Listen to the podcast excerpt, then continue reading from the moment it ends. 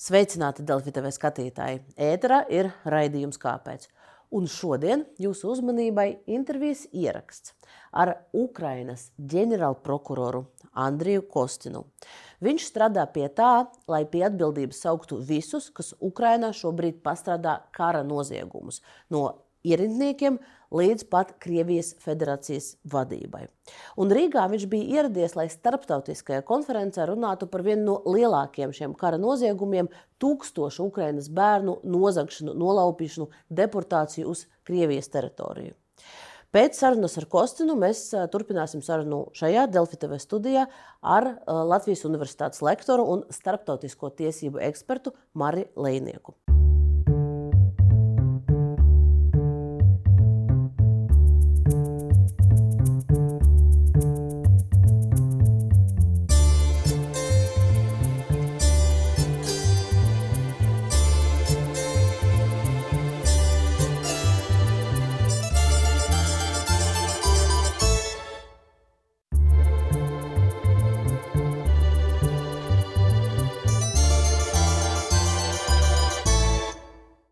Mr. Kostin, uh, thank you for finding time to meet us today.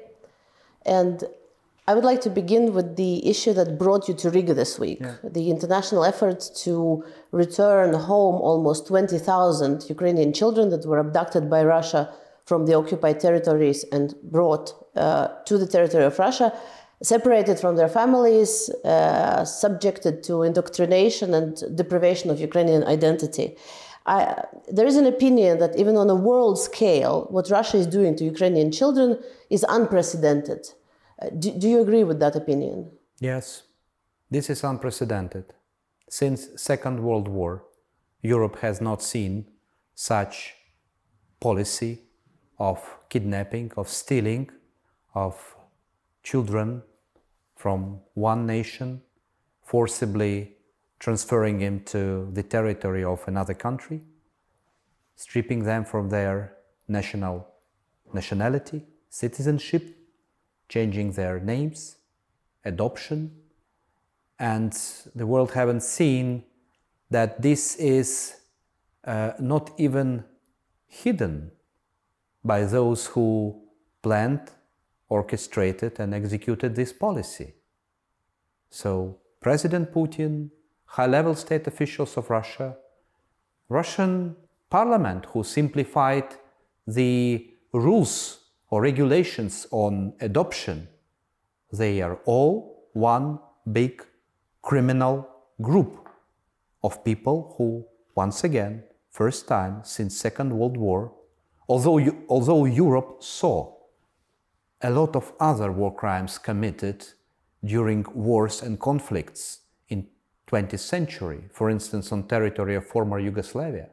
We saw many, many different war crimes committed there, brutal, even uh, on the level of genocide, which was which was uh, uh, the um, how to say, which was documented and uh, which was uh, adopted as uh, the result of investigation by tribunal, the case of Srebrenica. But never after Second World War, one country even tried to steal tens of thousands of children from another nation.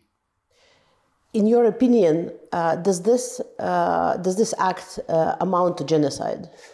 Uh, first of all, forced transfer of children from one group to another is one of the elements of genocide. This is prescribed in the Genocide Convention, and we all know this. And they know this because Russia is also the part of Genocide Convention. This is also important. So, this is one of the elements of genocide. When we look at the situation and think, why? What is the reason? Because we cannot, how to say, we cannot let alone any war crime which was committed. And when we, for instance, interrogate those who were appear in our possession, Russian war criminals or alleged war criminals, some of them still. And when we ask, why did you kill civilians during the occupation? They, there was no any threat. So what was the reason? This is just normal question. And some of them say, okay, we didn't want them to be to resist. We want to break their will, to break their resistance, and break resistance of the others, killing civilians. Um, no one can uh, pardon this. And this is not the reason for commission of war crimes.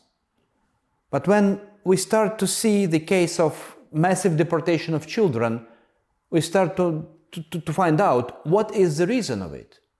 And the only answer is that this is a part of Russian policy to erase Ukraine as a nation, to erase Ukrainians from the land and from the map, and stealing the future of Ukrainian people is just part of this policy. Whereas to, in order to uh, get enough evidences for the case of genocide, we need to work very intensively. Not only we, but also our partners who have the possibility, legal possibility, to bring this case before the International Criminal Court. Because the International Criminal Court has jurisdiction into war crimes, crimes against humanity, which are more severe, and the severest crime, genocide. So, in order to get to this point, we need to work hard. In my office is a special group of prosecutors who concentrate their work on the case of genocide. We have structural investigation as well as to the crime of aggression, where we also need to ensure accountability of those who initiated and started this war of aggression. And once again, what is also what, what is similar to the case of crime of aggression and case of deportation of Ukrainian children? Similar is that um, no one after Second World War even tried to make someone accountable for the crime of aggression.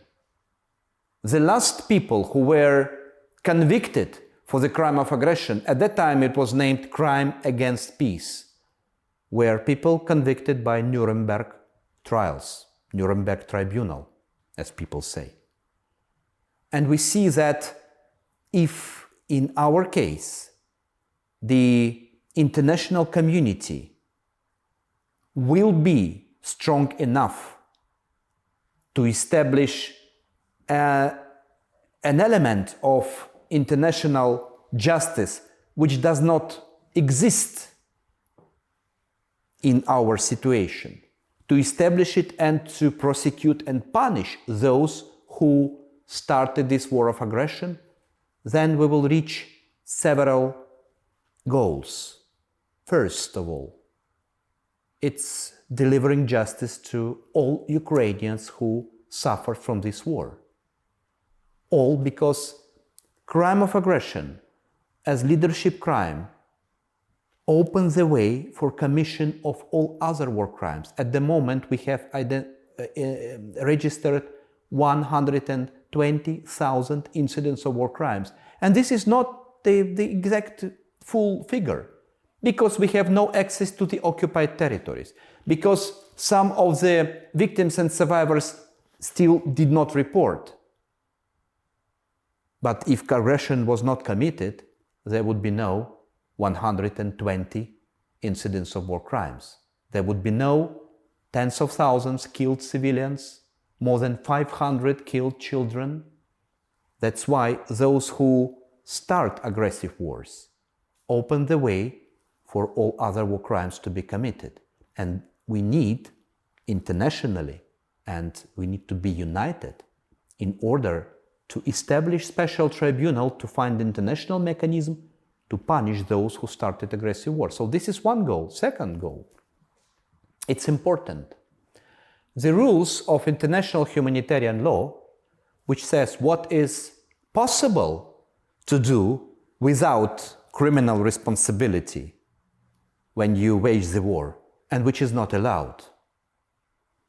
These rules practically does not protect servicemen because army is fighting against army and people could be killed.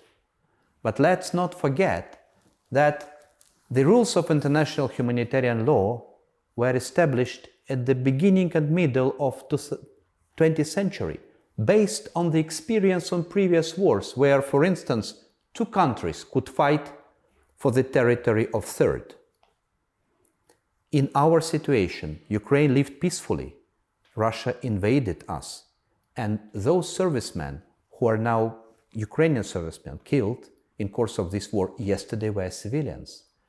And to punish those who started crime of aggression is the only matter of justice that they can receive. Is the highest goal of all of these proceedings is to see Vladimir Putin on the trial, to have him convicted, and to have him, uh, well, behind bars? Is this what you see as the most important task of all these processes? I think this is uh, not only the most important task of uh, all law enforcement system. I think it's uh, the most uh, the most important for Ukrainians to feel that justice exists. But he is not alone. He is the leader, and to punish him means to give a signal to those who think that they just execute the orders, that not only their commander, but all of their chain will be held accountable. Of course, Putin is already a suspect in the International Criminal Court, and arrest warrant is issued to find him and to bring to The Hague. The International Criminal Court can hear this case only in presence of the defendant, let's say like this.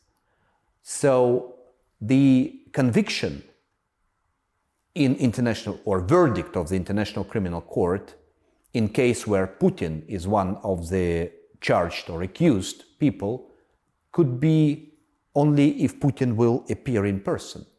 We don't know when and how it will happen, and I'm often asked, Do you believe in it? While I will answer you, this is not my work to try to find out what will happen in the future. My job is to document, investigate, and prosecute cases, collect evidence, and prepare this case.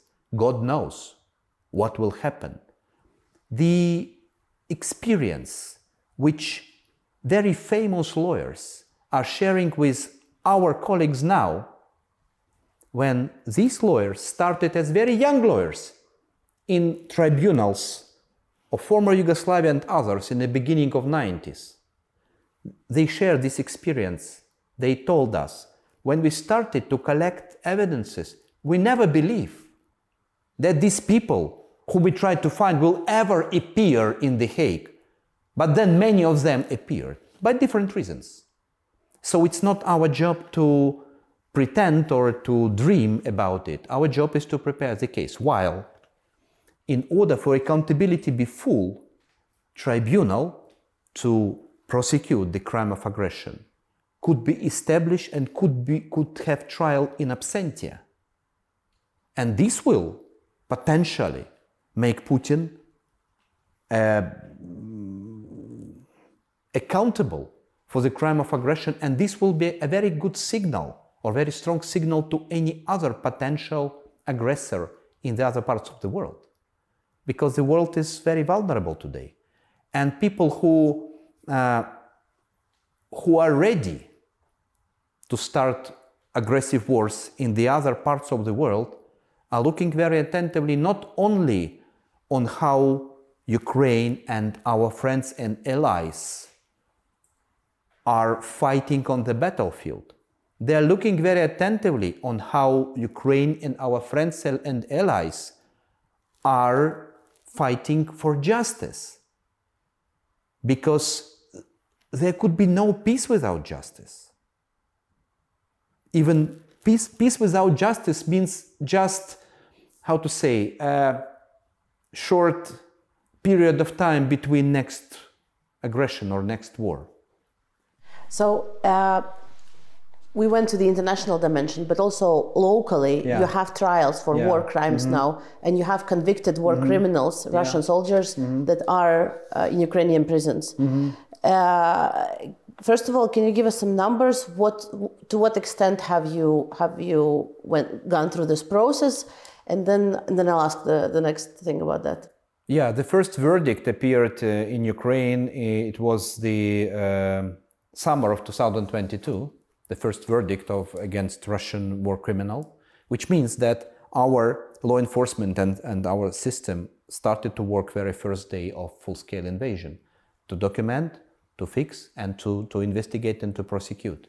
And while we have uh, uh, some of the alleged war criminals in our possession, of course, we try to bring these cases to trial to make them public uh, in order for people to see.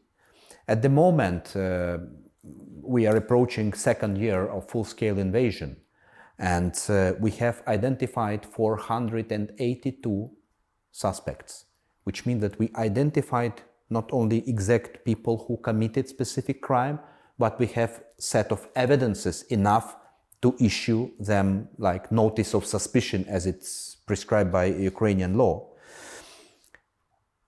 22 of them were prisoners of war, others are uh, uh, cases in absentia. We have indicted 336 people from them, which means that investigation is finished and cases are brought to courts. And we have already 79, I told today 78 verdicts because figures are changing. So 79 verdicts, including 15 of them where it were Russian prisoners of war, others in absentia. Is there something you learn from, from their defense? You have already mentioned one thing, but do, do you learn how these war crimes were organized? When all the world saw what happened in Bucha, and Bucha was one month after full-scale invasion, and Bucha once it's more about symbol because the other towns in Kiev region they suffered the same type of crimes. Well, Bucha was the most, you know, like visible and the without any understanding why they are killing people. Just just for nothing. Just for nothing. Just because they wanted to kill them. They played with played in of course in brackets with people's lives. In in how, to say on eyes of their relatives. So they can kill the husband on the eyes of uh, his wife. Just just because just because these people uh, were not ready to fall on their knees and to beg something. We know these cases when we speak with these survivors who tell these stories, and we, we understand that this was true because they say, okay, we, we just talked, we, we said, go away, we don't need you. We don't need to be liberated. We live, we live very peacefully. We live happily here. Go away. And then they talk, talk, and when they understood that uh, it's nothing about Ukrainian people who are ready to surrender and once again like fall on, on their knees, they just started to kill. We have a we have a, a boy. I, I will tell about him because uh, he already spoke publicly. And it's very courageous for our uh, survivors to go public. It's very important because when they tell their stories, it's on their own. He was coming to, it was in Bucha. He was coming with his father to receive some humanitarian aid. They received some information. They're just coming on the streets and they have white, how to say, robes or uh, to show that they're civilians. And uh, Russian militaries stop them, ask where they go, they explained, and they, they just killed uh, the father on the eyes of uh, like his 15 years old boy.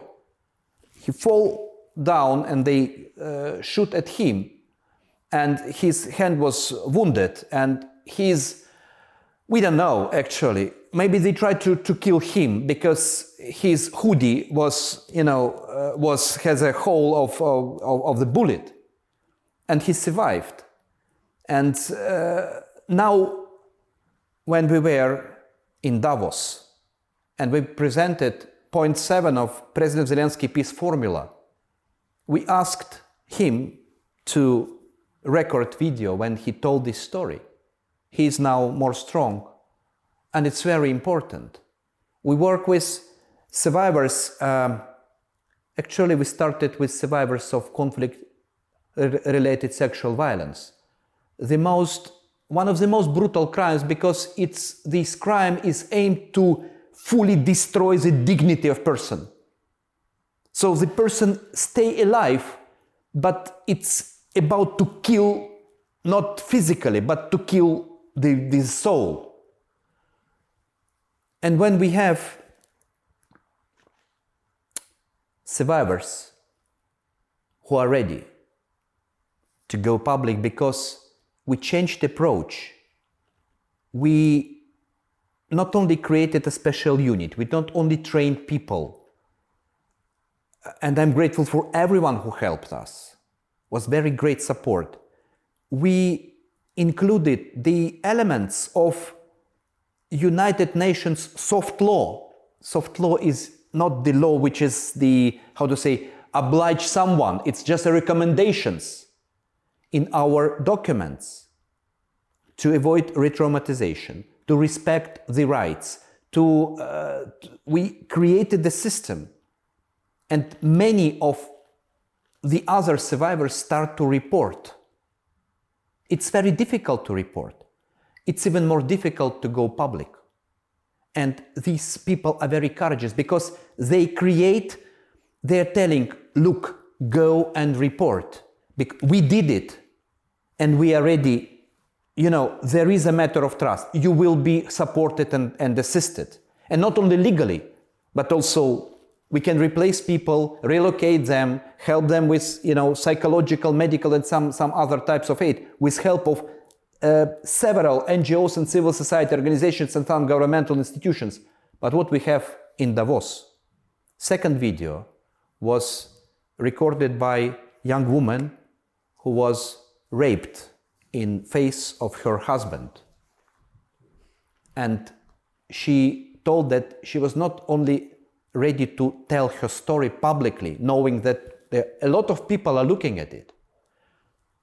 She also joined one of the NGOs who helped the survivors of CRSV, and she is now helping the others. And this type of communication and collaboration is very important because everything what we are doing at the end of the day is for victims and survivors of this war. And, and as I understand the testimonies of children yeah. that were rescued from Russia, there is uh, a little bit less than 500. Mm-hmm. Uh, they 388. Yes, mm-hmm. a little bit less than 400. They uh, they help prove uh, the the intent to mm-hmm. destroy Ukrainians as a nation. This this uh, intent to commit genocide. That that is also an important part of, of your work, gathering that evidence. You know, what is really very important? Uh, we have a very a lot of joint uh, or common values with the team of Karim Khan, the prosecutor of the Office of Prosecutor of the International Criminal Court, and he always say that children has their right for their voice to uh, to receive justice. It's not like literal quote, but it's very important. And not only telling this, the ICC during these years just recently introduced new um, regulations how to work with children. And it's not only based on Ukrainian experience, it's partially based on Ukrainian experience, and it could be used in many other situations because children suffer from different types of crimes in different parts of the world. So it is very important. So children will speak personally on their behalf if they are ready and can. And this is part of our work to prepare them and to create them uh, the opportunities to speak openly, to feel secured. Because, you know, some of the witnesses, uh, you know, they are afraid for different reasons. And it's very important to create this um, uh, feeling of security for witnesses who are ready to make statements because their statements are the most important evidences. And collecting these evidences in a system and to show that this system is exists will give us an opportunity to go ahead, not only for to prosecute for war crimes committed against our children, to go up to the crimes against humanity. We fully believe that what Russia committed with deportation and abduction of Ukrainian children is already crimes, crime against humanity. And we will go up to, to this level. We, we, are, we are strong at, uh, in, in our commitment and our evidentiary base. This is important. And then go up to genocide. When I talked to Bucha, I, I just wanted to, to mention that uh, we saw what they committed in Bucha. But the other uh, regions which were liberated in first months of the war, Chernihiv region, Sumy region, same types of crimes were committed there. When we liberated Kharkiv in September, and all world saw the mass graves of Izium and many other parts of Kharkiv where um, crimes were committed on massive scale, uh, the biggest number actually of torture chambers which are identified by us were in Kharkiv region, torture chambers. Different in premises, under the, the ground, where people were tortured.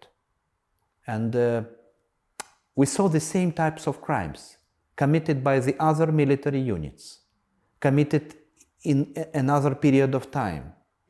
And when we saw Kherson, liberated, part of our Kherson region liberated in November, we saw the same types of crimes committed by the other military units. So, which means that this is a well planned and prepared policy, and even after all the world condemned publicly what happened in Bucha and other towns near Kiev, Russians proceed to commit the same types of crimes against Ukraine and Ukrainians, trying to break the will. But they will never do it. They will never succeed in their efforts because you, Ukrainians will not stay on their knees. What, what, do, uh, what do you see the world doing now in terms of uh, the fight for justice? Uh, how, how can we help? How can the world help more to what is being done now? What is lacking? Um, you know, we, I think, if we use existing legal mechanisms, all of them are working much more efficiently, maybe, than in previous situations somewhere. Because of um, unprecedented level of cooperation of Ukraine with all existing uh, uh, instruments. International Criminal Court, United Nations uh, Independent Commission of Inquiry on Ukraine, and some other instruments. We are delivering information, delivering data, and these instruments are working efficiently. I would like to, uh, to commend the uh, commitment and work of people who are working there for the sake of justice. Uh, the countries who open their own investigations and collecting evidences mostly from Ukrainian refugees who are safely located in, in these countries. I think that there is an additional resource to expedite this work. But what we will see this year definitely more charges to Russians by other jurisdictions. And this is very important that Russians will see not only Ukraine, not only International Criminal Court, but other jurisdictions which have legal instruments to do it. If you have legal instruments, we have not enough resources in Ukraine in war. It's obvious. Every country has its own problems, but any European country has more resources in law enforcement than Ukraine has. You can take some cases and you can do it. We will help. We have evidences, we have people who are trained, we have, you know, witnesses. We, we can do it. We are ready to transfer cases, and some of these cases are already in process of transfer, so you will see these results. Uh, I think where the world should be more brave it's in case of establishment of special tribunal for the crime of aggression. This is important that this tribunal will be established to cover all leaders of Russia, including Putin and the other top officials. This is important because it was him who started this war. And it's important for, to show the others who pretend now to open new uh, wars and conflicts in the other parts of the world that the world, the civilization of democracy and freedom can be united in order to punish those who will try to pretend. Because the existing instrument is resolution of Security Council. This is where UN thought, I mean, the founders of UN think that it will be enough. But it's not enough, it doesn't work. And we can't leave uh, un- unpunished crimes because Security Council of UN is not efficient in this situation. And the other, where they, I think, should be brave, is it's for the case of reparation of damage caused by Russia to Ukrainians especially to those who, whose relatives were killed, to those who were wounded, who were raped or humiliated, who lost their property, who were in, uh, illegally detained, and who were suffered from any war crimes to receive compensation or reparation from Russian assets. In this respect, the West, the, the, some countries or some European countries and, and the others can take decision to confiscate Russian sovereign assets, taking into account all legal implications, but to take brave political decision. And the last question, coming down to very individual level, uh, we in Latvia discuss a lot uh, how we can best help Ukraine. Mm-hmm. There is political level, international level, and then there is um, volunteering, donation to charities, and personal level. If you were to, to tell an ordinary Latvian person without much influence or resources how can they individually help uh, the Ukrainian cause to, to help the victory of Ukraine, what, what would you tell them? I think the most important is not to forget, to be vocal. Every one of us has our community. It could be community of your friends here in Latvia, it could be community far beyond. And if you want really to help us with such a strong position of Latvian government to help Ukraine in all of our endeavors, politically, militarily, and in all of our uh, justice endeavors, I think the most important is to tell the stories. If you you give um, protection to tens of thousands of Ukrainians. Some of them spent some time in Latvia, lived in some families, and established some, some links. Ask them and tell their stories and do it every day. Because even if we only concentrate on the children who are deported, forcibly deported to Russia.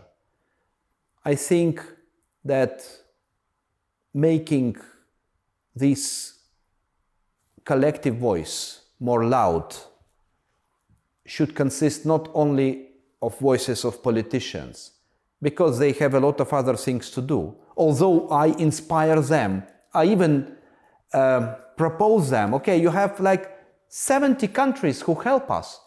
Can you just take every day, distribute between you and the leader of each big each country will first day of month this respected prime minister will speak and will speak about uh, bringing back Ukrainian children. The second day the president, etc.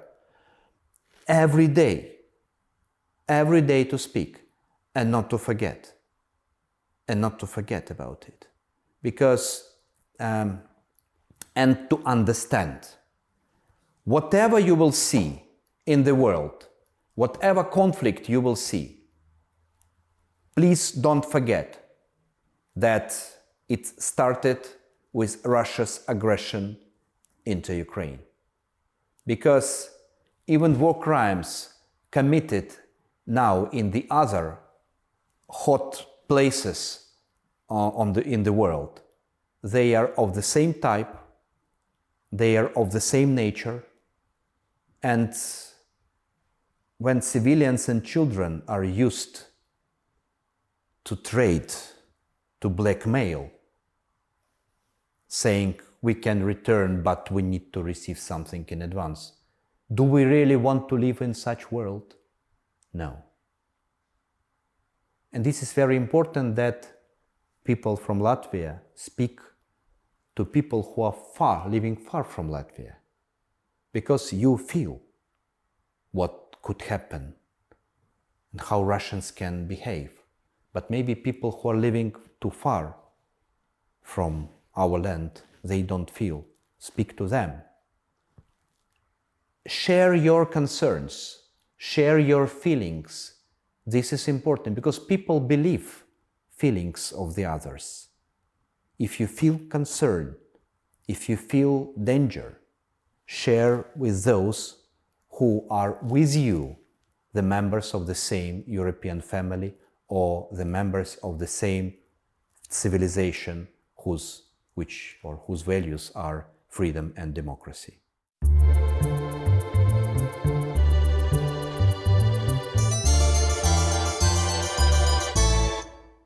Un, lai turpinātu sarunu par to, kādas tiesiskas sekas sagaida Krieviju pēc nežēlīgā kara pret Ukrajinu, mums studijā ir pievienojies Latvijas Universitātes Starptautisko un Eiropas tiesību zinātņu katedras lektors Māris Līnieks. Labdien! Labdien. Sāksim ar tiešām Ukrainas bērnu jautājumu. Un, vai jūs piekritat te paustiem šajā tikko intervijā, ko mēs noklausījāmies, paustiem, ka nu, šī bērnu nolaupīšanā ir var saskatīt genocīda pazīmes un ka var mēģināt pierādīt tieši šo ļoti nu, sarežģīto, ļoti nopietno noziegumu. Tad varbūt sāksim ar to, kā atgādināsim jūsu skatītājiem klausītājiem, kas ir genocīds. Tad saskaņā ar 1948. gada ANO konvenciju par genocīdu novēršanu un sodīšanu par to, kā arī saskaņā ar Romas starptautiskās krimināltiesas statūtu 6. pāntu, genocīds ir darbības, kas tiek veiktas ar nolūku pilnīgi vai daļēji iznīcināt kādu etnisku, rasu, reliģisku vai nacionālo grupu. Tad, lai mēs pierādītu, ka notiek genocīds, mums pirms ir jākonstatē aizsargājumā grupa, viena no šīm četrām konkrēti. Acīm redzot, šeit nebūtu runa par reliģisku rasu grupu, bet drīzāk par nacionālu grupu, Ukrāņiem. Un otrkārt, mums ir jāpierāda, ka ir bijis nolūks viņus pilnībā vai daļēji iznīcināt. Um, ir jākonstatē fakts, ka tiešām ir notikusi vēršanās pret nacionālo grupu un aprakstot, kā var izpausties genocīds. Abas konvencijas, gan, gan Krimināltiesas statūta, gan genocīda konvencija, paredz arī bērnu izņemšanu no savas nacionālā, nacionālās vides, kas šobrīd, acīm redzot, ir noticis, kā vienu no genocīda izpausmes veidiem. Kas būtu grūtāk, manuprāt, šajā gadījumā, būtu konstatēt, ka tika izņemti tieši tikai un vienīgi ukraiņu bērni. Jo tikko parādīsies, ka tikpat lielā mērā no kardarbības zonas tika izvesti ne tikai ukrāņu bērni, bet pārsvarā tur taču dzīvoja, acīm redzot, krievulodīgie bērni, ne? kuru ģimenes runā krieviski. Tad jautājums, kas ir aizsargājumā grupā? Vai Ukraiņas iedzīvotāji kā tādi varētu būt aizsargājumā grupā, vai tie ir tikai, tikai tieši Ukrāņi? Tas ir viens jautājums. Bet mēs gribam atgādināt, ka ir absolūti leģitīmi, ka no kardarbības zonas tiek izvesti civiliedzīvotājiem pirmkārt bērnu aizsargāt viņus no kara.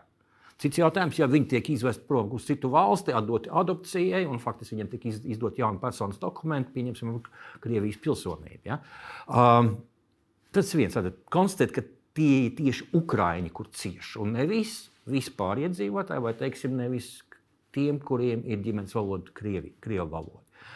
Um, Tas ir viens, un otrs, protams, ir diezgan pagrūti, vai varbūt tas ir visgrūtākais, konstatēt tieši nolūku pilnībā vai daļēji iznīcināt Ukraiņu tautu. Tur ir Acīm redzot, visticamāk, mēs nekad neiz, neizlasīsim Krievijas prezidenta Putina rīkojumu daļēji iznīcināt Ukrāņu tautu vai pilnībā iznīcināt Ukrāņu tautu, pārvēršot viņus visus par krieviem. Viņi tā vai tā ir krievi. Ja? Nu, kaut kur tā doma jau pavīd. Bet tā skaitā, jā, arī viņš bija viens no tiem, kas bija iesaistīts un argumentēja par šo bērnu glābšanu, tā skaitā pārvešanu uz Krieviju.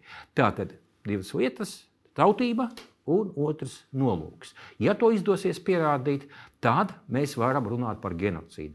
Pagaidām tas, ka notiek bērnu izvešana vai notikusi bērnu izvešana, varētu liecināt par genocīdu, varētu mums domāt par genocīdu. Bet pirmkārt, tas noteikti pirmkārt, ir kara noziegums. Jo, protams, okupētāji varai ir aizliegts deportēt vietējos iedzīvotājus prom uz savu teritoriju. Tātad kara noziegums tas ir.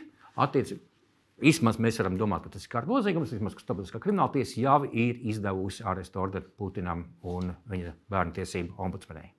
Nu šajā gadījumā eh, tas, ko mēs zinām arī no to vecāku liecībām, ir ka viņi ir domājuši, ka viņi sūta tos bērnus uz nometni uz laiku, atpūsties, un tad nav saņēmuši atpakaļ tos, nu, šos bērnus. Vai, vai filtrācijas nometnēs arī šis, šis ir noticis, šī šķiršanā bērnu un vecāku. Tā, kā tā nozagšana nu, ir dokumentēta, vismaz šīs liecības ir. Jā, jā bet tas liecina pirmkārt, ka tas ir kara noziegums. Bez šaubām. Bet šo bērnu liecību... iespējams, masveida ziņā tas varētu būt noziegums pret cilvēku, kā Kostīna kungs jau nu pat teica. Ja? Bet, bet šīs bērnu liecības, jo tie bērni, tie 388 bērni, kas ir atgriezušies, viņi stāsta, ka nu, tā, tā identitātes atņemšana viņiem tur bija notikusi. Viņiem tika stāstīts, ka Ukraina nepastāv, ka viņi nav Ukraiņi, ka Ukraiņas valodu ir jāaizmirst tiem, kas vēl nemāķi lasīt, mācīja, mācīja lasīt un rakstīt krieviski, nevis ukraiņiski un tā tālāk šādas liecības var tikt uzskatītas par nu, pietiekamam, lai, lai to genocīdu noziegumu pierādītu. Vai tas ir pietiekami vai nē, par to lems tiesa. Bez šaubām tā ir viena no liecībām, kas varētu palīdzēt. Vai tas varētu būt noteicošais, lai pierādītu nodomu? Um, kā vienīgais noteikti nē.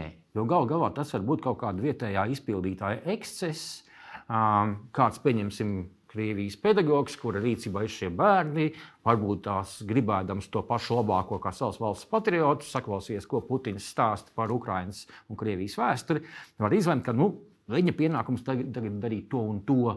Nevis, ka būtu kaut kāds tiešām plāns un nolūks pilnībā vai daļai iznīcināt Ukraiņu tautu. Bet iespējams.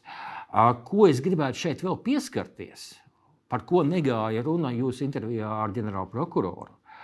Es gribētu paskatīties nedaudz uz šo problēmu kā uz tādas juridiskās partijas šaha dēlīti. Jo Labi, tagad būs tikai piedošana, mana spekulācija, jo es nezinu, kas ir prātā Ukraiņas vadībai. Es varu tikai minēt, bet es ņemu vērā arī apstākļi, ka jau pirms diviem gadiem Ukraina iesniedza ANO starptautiskajā tiesā prasību pret Krieviju par genocīdu. Saistībā ar to, ka Putins argumentēja, ka viņš uzsāka speciālo militāro operāciju, tāpēc, ka Ukrāņi ir realizējuši genocīdu, lai pasargātu Krievu Toņiskas, Luhanskas tautas no Ukrāņu genocīda. Ja? Attiecīgi, Ukraiņa izmantoja šo, izmantoja iespēju, kā gan Krievijai, gan Ukraiņai saistoša 48. gada ANO genocīda konvencija, kas paredz strīdu risināšanu ANO starptautiskajā tiesā, un citādi atrast kaut kādu iespēju iziet uz starptautisko tiesu agresijas sākumā, pilnā, pilnā apmērā agresijas sākumā Ukrainai nebija. Un Ukraina faktiski iesniedz šo prasību starptautiskajā tiesā, lūdzot atzīt, ka Krievija ir pārkāpusi pati genocīdu konvenciju, aizbildnoties ar genocīdu, lai attaisnotu savu kardarbību Ukrajinā. Um, ir diezgan slidens jautājums šis, jo nav jau runa par to, ka pati vai tajā brīdī, ka kaut kur būtu noticis reāli genocīds Ukrajinā. Ir runa par to, ka varbūt Putins ir nepareizi interpretējis. Un tad jautājums, vai starptautiskās tiesas jurisdikcijā būtu skatīt jautājumu nevis par to, ka ir noticis genocīds, bet kāds politiķis ir varbūt nepareizi interpretējis genocīdu jēdzienu. Tas ir, protams, starptautiskā tiesa jau pirms diviem gadiem, 16. martā. Pieņēma pagaidu nolēmumu, ka Krievijai ir jāaptur kardarbība, jāizved karaspēks no Ukrainas. Protams, Krievija to ignorēja. Ja? Bet Tālāk, kā tas aizies, mēs, es baidos, ka tur ir bijis šīs slīdainas jautājums. Otrs aspekts - atceramies, ka tika starptautiskā krimināla tiesa izdeva Putina arestu orderi tieši par kara noziegumu veikšanu. Iespējams, ka tas, ko tagad dara Ukraina un mēģina celt un aktīvi celt un musināt, atvainojos par terminu, šo jautājumu par bērnu izvēršanu kā genocīdu, uh, Jo pagaidām starptautiskā krimināla tiesa tiešām pieķerusies tikai bērnu jautājumiem.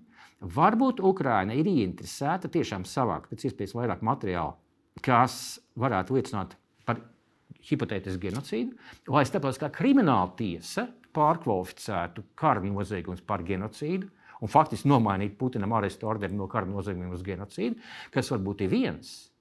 Bet otrs, ja starptautiskā krimināla tiesa to darītu, Un kaut kad bija šī vēlāk, ANO starptautiskā tiesa pieķertos skatīt pēc būtības Ukraiņas prasību pret Krieviju, ko iesniedz Ukraiņa pirms diviem gadiem par genocīdu konvencijas pārkāpumu.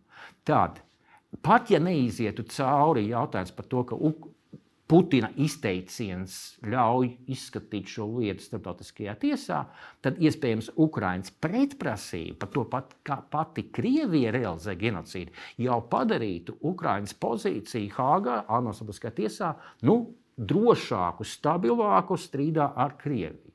Tātad tāds trīs tiesu dancis var sanākt. Es, protams, nezinu, vai tā ir taisnība. Man nav nejausmas. Uz, uz šīs nots man ir jāatvadās no RTV skatītājiem, jo tur mūsu etra laiks ir beidzies. Bet Delfi TV studijā mēs, mēs turpināsim šo sarunu, jo ir vairāki aspekti, kurus jāizrunā. Mm, ir tīpaši runājot par to, ka ir skaidrs, ka Vladimirs Putins, Krievijas diktators, šobrīd nav sasniedzams nevienai starptautiskai tiesai. Tad mēs runāsim par to, cik Kad, kad mēs redzēsim viņu uz apsūdzēto soli, par to runāsim Delfi TV studijā. Bet RTV skatītājiem paldies. Un, ja jūs gribat dzirdēt sarunas turpinājumu, tad lepni lūgti Delfi TV arhīvā. Un turpinam, jā, tiešām es gribēju pajautāt, varbūt atkāpjoties mazliet no, no šī tiešām vairāku starptautisko tiesu tādas saspēles. Um, Ukraiņas spēles pa vairākiem lauciņiem un, un arī uh, vairāk, un, un, nu, starptautiskā kopiena arī palīdz, protams, šajā jautājumā. Bet, um, Mazliet vēl noslēdzot šo jautājumu par, par, par, par tiem gandrīz 20 tūkstošiem bērnu, kas ir deportēti eh, nelikumīgi no, Ukraiņas teritorijas. Um, vai ir iespējams šobrīd runāt par jebkādu mehānismu, uh, kādu varētu radīt, lai šos bērnus atgrieztu. Jo mm, uh, Ukraiņas prezidenta kundze uh, Olenzelenska vakar izteicās, ka, ja, ja viens bērns atgrieztos dienā, tad vajadzētu 55 gadus, lai tie visi Ukraiņu bērni atgrieztos uh, mājās. Un skaidrs, ka tas nav, nav realistiski. Un... Diemžēl tas ir vairāk politisks jautājums. Um, Atvainojos, starptautiskās tiesas tiesneši ar tankiem neiebrauks Maskavā un bērnus neizvedīs. Ja? Protams, mēs varam nolemt, vai starptautiskā justīcija var nolemt, ka tas bija kara noziegums, noziegums pret cilvēku vai genocīds. Bet, kā jūs redzat, Krievija veikusi tik būtisku starptautisko tiesību pārkāpumus ar agresiju vien, ka visi pārējie spriedumi vai lēmumi attiec, at, absolūti Krieviju vairs neinteresē. Tātad, ja būs iespēja politiski iedarboties uz Krieviju, un kaut vai atvainojos, iztirgot šos bērnus, tad iespējams jā. Nu, ja ne, tad ar spēku jau neviens to neizdarīs. Un eh, pieminēta uh, ANO rezolūcija, kas, kas šo, uh, par šo runātu. ANO ģenerāla asamblēja pieņēma uzreiz rezolūciju par to, ka tas ir agresijas akts. Nu, un kas? Ka tiesa teica, izvediet karaspēku, nu un kas? Diemžēl Krieviju piespiest nevar. Visticamāk, tad mums ir jāgaida kaut kādas drīzāk politiskas pārmaiņas pašā Krievijā. Un jūs pats pieminējāt šo agresijas noziegumu. Par šo šobrīd arī cīnās Ukraina. Jo agresijas noziegums ir, ir, ir Pamat pamats. kā es saprotu, pamatu pamats, pati nelikumīga, nelikumīga kara uzsākšana kā tāda. Un, lai tajā apsūdzētu Vladimiru Putinu, viņa ģenerāļus, dažādus ministrus un tā tālāk, um, lai, tajā, lai, lai šo iztiesātu, tur tad vajadzīgs ir šis tribunāls. Neviena cita starptautiska institūcija un tiesa šo aiztikt nevar. Jā. Jautājums, um, šis tribunāls, um, lai tas notiktu, um, mums tiešām jāsagaida kara beigas, uh, režīma krišana Krievijā, un tad tas būs ietarbīgs, vai to var darīt jau tagad? Tas ir jāsāk darīt bez šaubām jau tagad. Nu, viņi ir sākuši jā, procesu. Šāds tribunāls trīs dienu laikā nevar uztaisīt. Um, cits jautājums, cik šāds tribunāls būs efektīvs un pir- pirmkārt leģitīvs. Jo jebkura tribunāla tiesas varas pamatā vai autoritātes pamatā ir leģitīmums. Um, Ģenerālprokurors jau pieminēja iepriekšējo pieredzi Nīderlandes tribunālu ar Dienvidslāvijas un Ruandas tribunāliem, kurus dibināja drošības padome. Um, Nīderlandes tribunālu dibināja uzvarētāja valstis, un Vācija bija spiest pakļauties. Šeit mēs diez vai sagaidīsim situāciju, kad būs tāda pati militāra uzvara kā Otrā pasaules karā pār Vāciju. Krievija visticamāk neviens neokupēs un Kremli. Um, drošības padome darboties nav spējīga Krievijas vetotiesību dēļ. Tad šeit kaut kāda leģiti- leģitim- leģitimitāte acīm redzot tribunālam nebūs. Um, cik daudz leģitimitātes varētu būt tam, ja senāk, pieņemsim, pat 70 valstis un pasakām, jā, uztaisām tribunālu, tiesājam Putinu. Um, Krievijai juridiski citu 70 valstu lēmums nav saistošs. Nu, pat, ja, pat tas, kas būtu saistošs, arī tad Krievija drīzāk nepildītu, bet jebkurā gadījumā nav saistošs. Um, ir bijusi pieredze, kad šādus tribunālus var mēģināt vai nu dibināt ar ģenerālās asamblejas atbalstu. Bet atcerieties, ka ANO ģenerālās asamblejas rezolūcijā nav juridiski saistošs raksturs. Atkal tas nav saistošs Krievijai. Var mēģināt, ja ģenerāla asambleja nenostrādā, var mēģināt izmantot kādas citas starptautiskās organizācijas autoritāti. Pieņemsim bijušo Čādas diktatoru Huseinu Habri. Uh, arī faktiski tiesāja tāds kā kvazi starptautisks tribunāls, kuru nedibināja ne apvienoto nāciju organizācija, ne, ne tās drošības padome, bet tāda starptautiska organizācija kā Afrikas Savienība. Faktiski piešķirot savu autoritāti, nu, zinām, leģitimitāti šim starptautiskajam tribunālam, un Hisens Habri par genocīdu un noziegumu pret cilvēku tika notiesāts. Um, Kas varētu būt mūsu gadījumā? Es pieņemu, ka hipotētiski iesaistītos vēl, pieņemsim, Eiropas padome. Tad varbūt būtu bijis šī augstāka leģitimitāte nekā vienkārši dažām valstīm savstarpēji vienojoties. Nu, Šobrīd šo tribunālu kopā, ja es pareizi saprotu to, to sistēmu, gatavo Eiropas Savienība. Un ASV uh, Tieslietu departaments arī ir iesaistījies. Mm. Viņi vāc tos pierādījumus tieši šim agresijas, uh, agresijas noziegumam. Uh, bet nu, mēs jau izrunājām, ka laikam Krievija neatzīst, Krievi, Krievijai šobrīd starptautiskas tiesības neeksistē. Jāsagaida kaut kāds brīdis, kad um, Krievijā kaut kas mainās. Atcerēsimies kaut vai to pašu Dienaslavijas tribunālu. Viņš, viņa Dienaslavija beigās Miloševičs izdeva. Kāpēc? Tāpēc, ka bija izdevīgāk izdot Miloševiču un dzīvot tālāk, nevis būt mūžīgā konfliktā ar vispārējo pasauli. Varbūt pienāks kaut kāds šāds brīdis, kad Krievija būs ieinteresēta noregulēt attiecības vispārējo pasauli un iespējams Putinu vai izdos. Kas attiecās uz Putinu, tad, protams, viņam kā mm, valsts vadītājiem ir imunitāte pret jebkuras ā, nacionālās tiesas jurisdikciju, bez viņu saukt pie krimināla atbildības starptautiskā krimināla tiesa par kādu noziegumu, noziegumu pret cilvēku un genocīdu, ja tāds būtu. Um, jebkura nacionālā tiesa var saukt pie atbildības, kā jau ģenerālprokurors teica. Dodiet, mēs jums iedosim visus pierādījumus, bet pašlūdzu tiesājiet, jums ir, jums ir resursi. Teiksim, kaut kādus ģenerāļus, kuriem nav šāda imunitāte kā valsts vadītājiem, par to pašu agresijas noziegumu varētu saukt pie atbildības arī jebkuras citas valsts tiesa.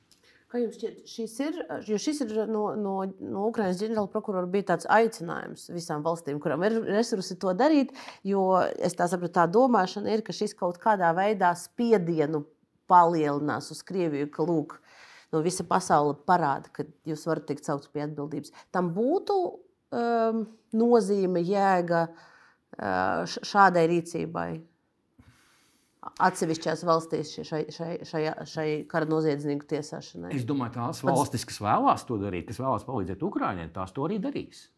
Ja vien viņa teritorijā pēkšņi parādīsies kāds šis kara noziedz, noziedznieks. Ja? Var, ar, var arī inapsentijā nu, notiesāt, vai ne? Hipotētiski jā. Tur ir vienīgi, vienīgi krimināla procesālas problēmas, kā nodrošināt to taisnīgumu, kā nodrošināt apsūdzētājiem tiesības uz aizstāvību. Bet galu galā tajā pašā Nīderlandē, MH17 lietā, viņus visus četrus notiesāja in absentie. Mm. Un pēdējais jautājums.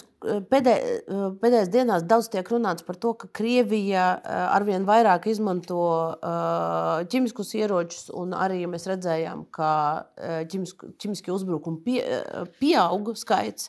Un, tās pēdējās ziņas ir par vienu vielu, gran, granātām ar, ar, ar vienu aizliegtu vielu. Uh, kurai uh, Krievijai jau sen bija jābūt iznīcinātai.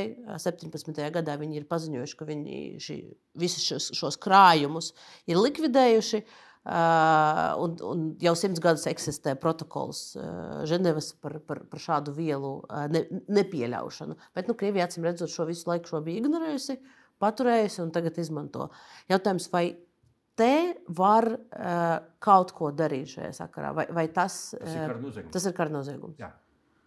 Bet tālāk mums, jebkurā gadījumā, iestājas viss tas, par ko mēs runājam, ka jāsagaida Tieši tā. izmaiņas. Tieši tā.